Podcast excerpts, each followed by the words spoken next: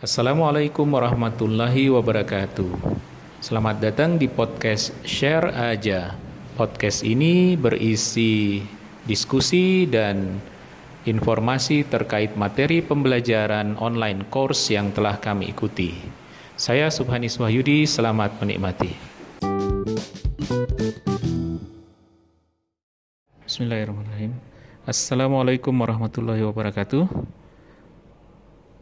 Kali ini saya akan menyampaikan rangkuman dari online course yang saya ikuti di awal Desember ini dengan materi business to business atau B2B marketing. Materi ini disampaikan oleh Profesor Chang dari Yonsei University Korea, di mana beliau menempatkannya sebagai salah satu modul dari international marketing.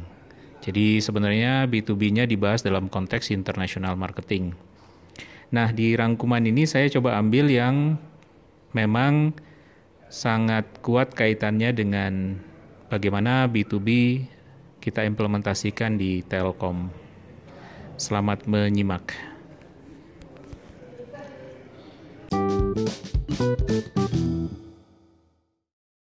Online course dari Profesor Chang ini sebenarnya ada tiga kelompok materi. Jadi kalau ikut secara normal itu kita harus ikut week 1, week 2, dan week 3. Dan setiap minggu ada rangkaian video, kemudian kuis dan tugas yang harus diselesaikan. Di minggu pertama disampaikan apa itu B2B marketing, termasuk di dalamnya konsep dan model. Dan di materi ringkasan ini saya akan terutama ambil dari materi di minggu tersebut. Di minggu kedua, Profesor Chang menyampaikan marketing mix untuk B2B, jadi produk, price, promotion, dan place. Esensi-esensinya sebenarnya menjadi bagian dari bagaimana menjalankan B2B di minggu ketiga kemudian karena sesuai dengan rangkaian modulnya, Profesor Chang menyampaikan tentang cross country integration. Jadi bagaimana mengembangkan business to business marketing dalam konteks cross country. Oke, kita mulai dari apa itu B2B.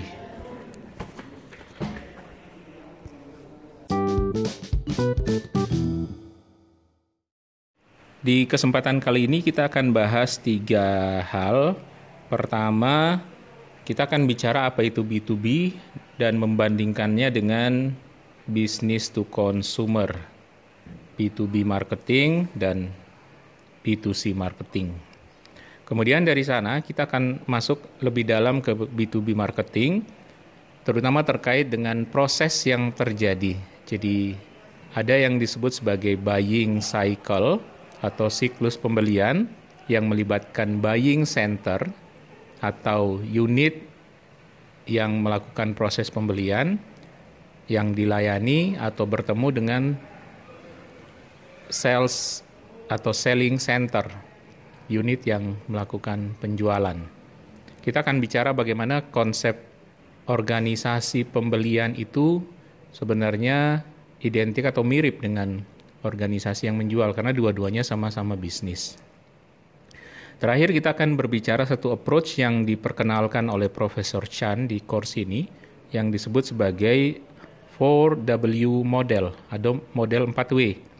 Model ini mensimplifikasi pendekatan yang bisa dipakai oleh selling center dalam hal ini perusahaan yang ingin ingin menjual ke bisnis consumer atau bisnis customernya.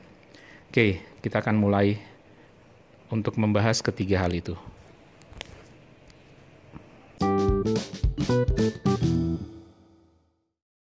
Membandingkan B2B dan B2C, sederhananya menurut saya bahwa proses di B2B itu lebih kompleks. Nah, itu kata kunci utamanya tuh. Jadi kita tidak akan melihat proses yang simple seperti di B2C. Simple dalam arti gini ya. Eh, pada saat kita berhadapan dengan satu customer atau consumer, maka proses pengambilan keputusannya kurang lebih berada di orang itu. Yang agak lebih kompleks misalnya keluarga. Pada saat kita menjual ya, di retail, kita menjual layanan internet misalnya kepada keluarga, memang di dalamnya ada beberapa pihak yang terlibat. Misalnya orang tuanya sebagai yang akan membayar, jadi yang akan meng, uh, melakukan proses pengambilan keputusan utamanya di situ, tapi yang akan menggunakan misalnya anaknya. Nah, kompleksitasnya ya paling segitu gitu. Berbicara B2B, kita berbicara organisasi yang akan membeli. Pada saat kita melakukan proses atau approach ke organisasi itu, tentu lebih kompleks. Karena pertama yang terlibat banyak di organisasi, bahkan organisasi yang paling kecil sekalipun, keputusan untuk melakukan pembelian biasanya berbeda dengan proses sourcing atau proses mencari siapa yang bisa menyediakan supply. Belum lagi misalnya usernya juga berbeda. Ada unit di organisasi yang melakukan proses pembelian, walaupun inisiasinya bukan dari dia. Nah, gambaran pertama seperti itu. Jadi kalau dibandingkan terhadap B2C, maka di B2B prosesnya lebih kompleks.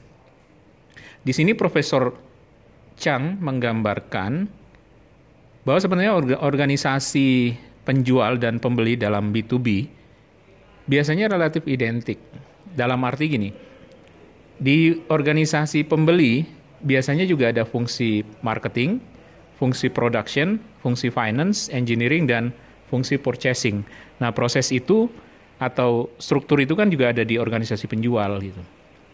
Artinya kalau kita ada di posisi penjual, maka pada saat kita melakukan proses penawaran atau proses penjualan, bayangkan saja organisasi customer kurang lebih fungsi-fungsinya sama dengan organisasi kita gitu. Nah, sini menarik karena ada satu statement dari Profesor Chang bahwa B2B pada dasarnya sama dengan B2B2C. Apa sih maknanya? B2B atau business to business itu kita harus lihat dalam perspektif B2B2C. Karena perusahaan yang membeli dari penjual, si buyer, itu biasanya tidak memanfaatkannya untuk diri sendiri.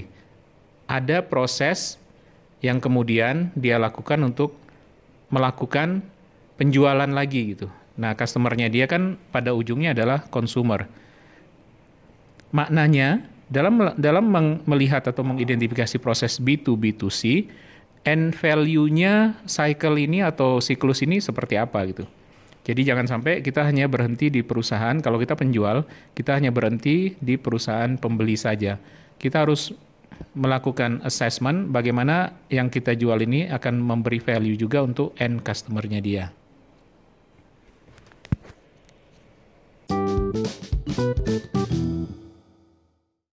Lebih lanjut, pada saat kita berkata kompleks, eh, paling tidak ada dua. Yang pertama, kompleks dalam konteks proses pembelian. Di customer atau di bisnis customer, biasanya ada berbagai pihak yang terlibat dalam pembelian.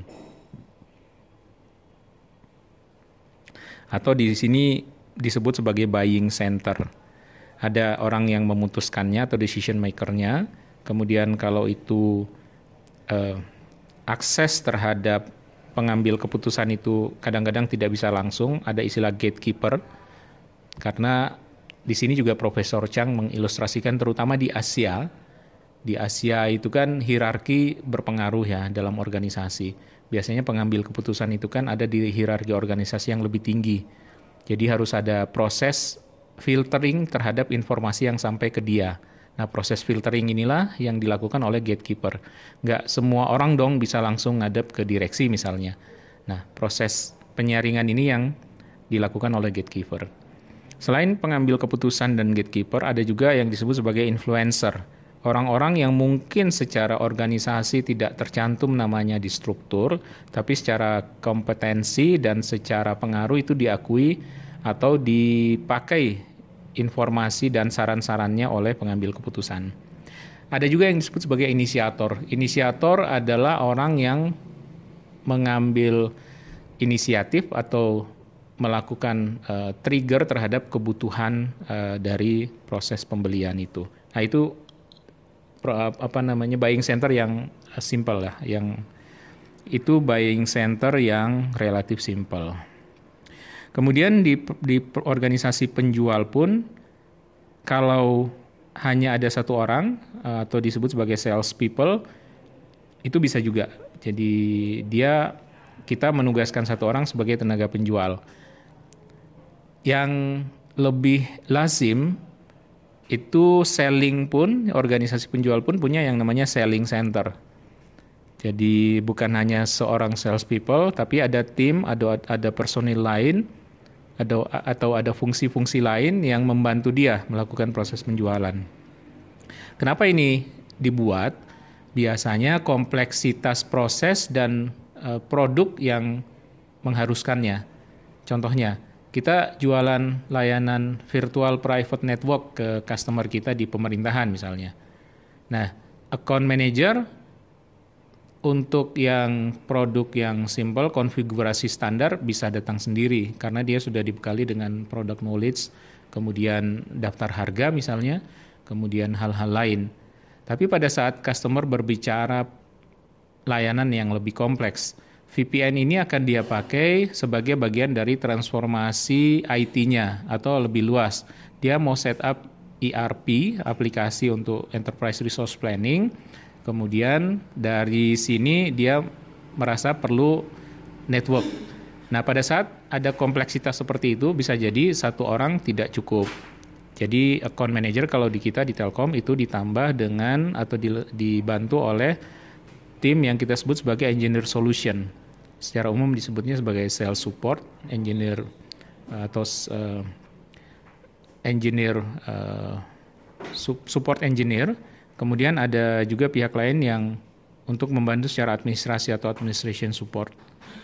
Untuk organisasi penjualan yang lebih besar seperti yang ada di divisi enterprise services bahkan kita mendefinisikan ada enam pilar termasuk di dalamnya account management yang terlibat dalam proses penjualan ini. Nah, itu yang disebut sebagai selling center.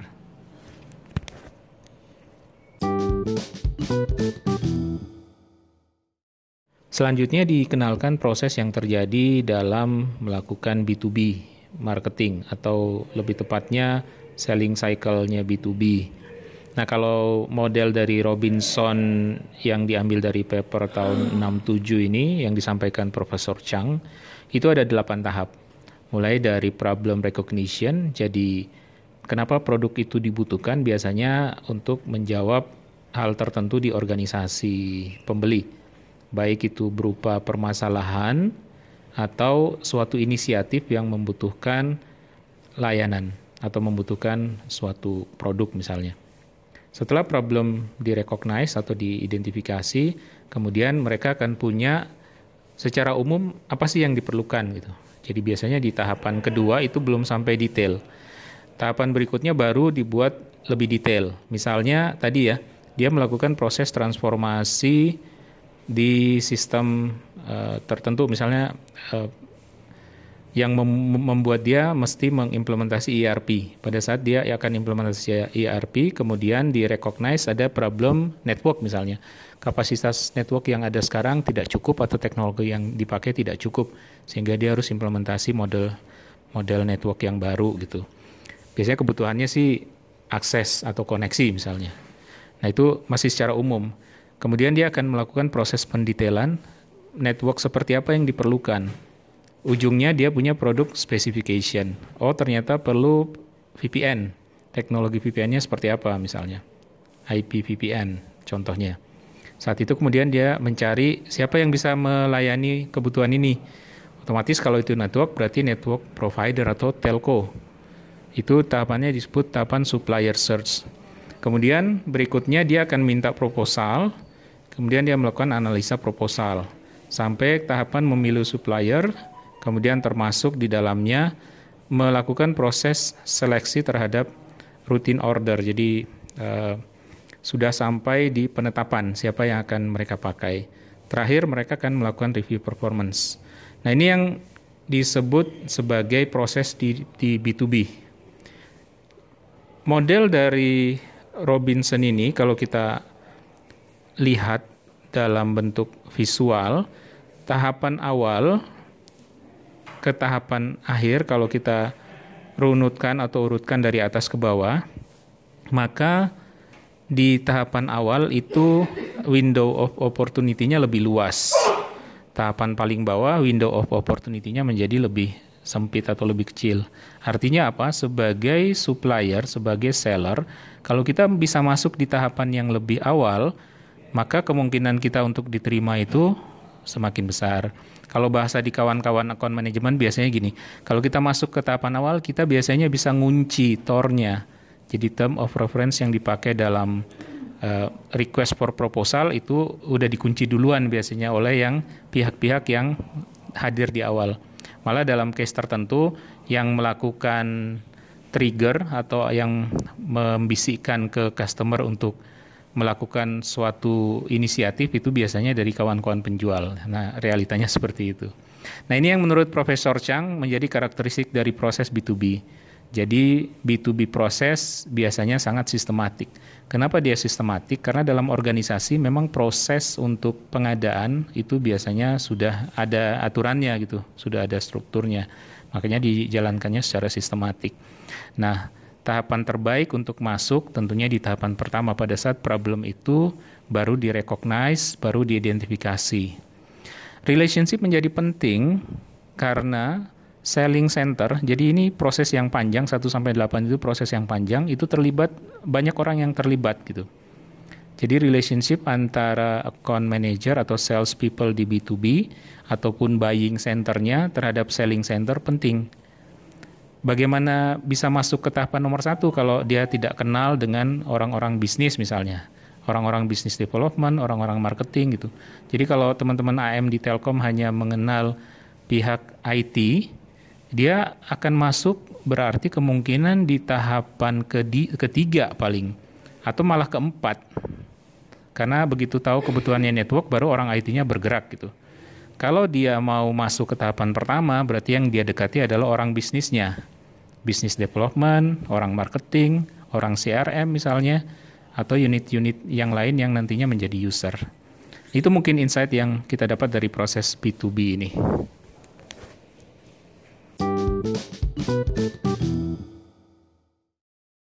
Terakhir yang menurut saya valuable dari online course ini adalah B2B approach yang ditawarkan oleh Profesor Chang yang beliau sebut sebagai Chang 4W model. Pada dasarnya ini adalah di kalau kita ilustrasikan itu dalam bentuk matriks di mana kita identifikasi siapa saja yang terlibat kapan terlibatnya karena ada delapan proses tadi ya mulai problem recognition, general need description, product specification, supplier search, proposal solicitation, supplier selection, order routine specification sampai performance review. Nah di delapan tahap ini siapa saja yang terlibat, kemudian apa yang jadi buying kriteria mereka, apakah harga, apakah uh, service uh, jenis layanan atau misalnya kualitas. Kemudian jadi tadi who ya, who siapa yang terlibat, itu W pertama. Kemudian when, kapan dia terlibatnya. Kemudian what, apa yang menjadi kriteria dia di setiap tahapan itu. Dan yang terakhir yang paling penting adalah weight. Weight itu menyatakan seberapa tinggi sih pengaruh si orang yang bersangkutan dalam proses itu. Jadi itu secara esensial modelnya menggambarkan secara terstruktur, secara sederhana siapa saja dari selling center yang terlibat untuk setiap proses pembelian, kemudian kriteria apa yang akan dia pakai untuk memutuskan siapa yang terlibat, siapa yang maju, siapa yang dipilih dari uh, penyedia dari salesnya, dari pihak uh, yang menyedia, menyediakan produk. Kemudian yang terakhir weight. Nah, menurut Profesor Chang, yang harus kita fokuskan adalah yang weight-nya tinggi. Ya tentu dong, pada saat problem recognition misalnya, adanya di unit bisnis, berarti kawan-kawan account manager perlu membangun relationship yang kuat dengan orang-orang yang ada di unit bisnis. Di tahapan supplier selection misalnya, direktur IT yang akan menentukan 50% dari keputusan itu ada di dia. 20 persennya ada di bisnis misalnya, 20 persen lagi di tim pengadaan misalnya, 10 persen di tim IT. Jadi tidak cukup mendekati IT, harus masuk PIC IT maksudnya, harus masuk sampai ke level direktur IT, kemudian harus masuk juga ke bisnis. Nah, itu esensi dari 4W model ini. Bagaimana kita pakai di account management? Ini yang biasanya perlu kita gambarkan di account plan. Jadi kawan-kawan yang membuat account plan itu perlu menggambarkan relationship level. Kenapa dia gambarkan relationship level? Karena dia perlu tahu posisi sekarang relationshipnya terhadap para pengambil keputusan, influencer, user, gatekeeper, inisiator itu seperti apa. Idealnya ini dilakukan untuk setiap tipe project, jadi bukan bukan dibuat satu untuk semuanya karena bisa jadi berbeda. Contoh banking industry misalnya pada saat dia melakukan proses untuk development CRM itu akan berbeda pengambilan keputusannya orang-orang yang terlibat dengan dia akan mendevelop IT untuk core bisnisnya misalnya atau dia uh, kemarin yang uh, banyak di uh, request misalnya untuk terkait dengan credit scoring. Nah, yang terlibat di credit scoring, di CRM, kemudian di core banking pasti berbeda. Sehingga idealnya di account plan itu dibuat berbeda juga untuk masing-masing.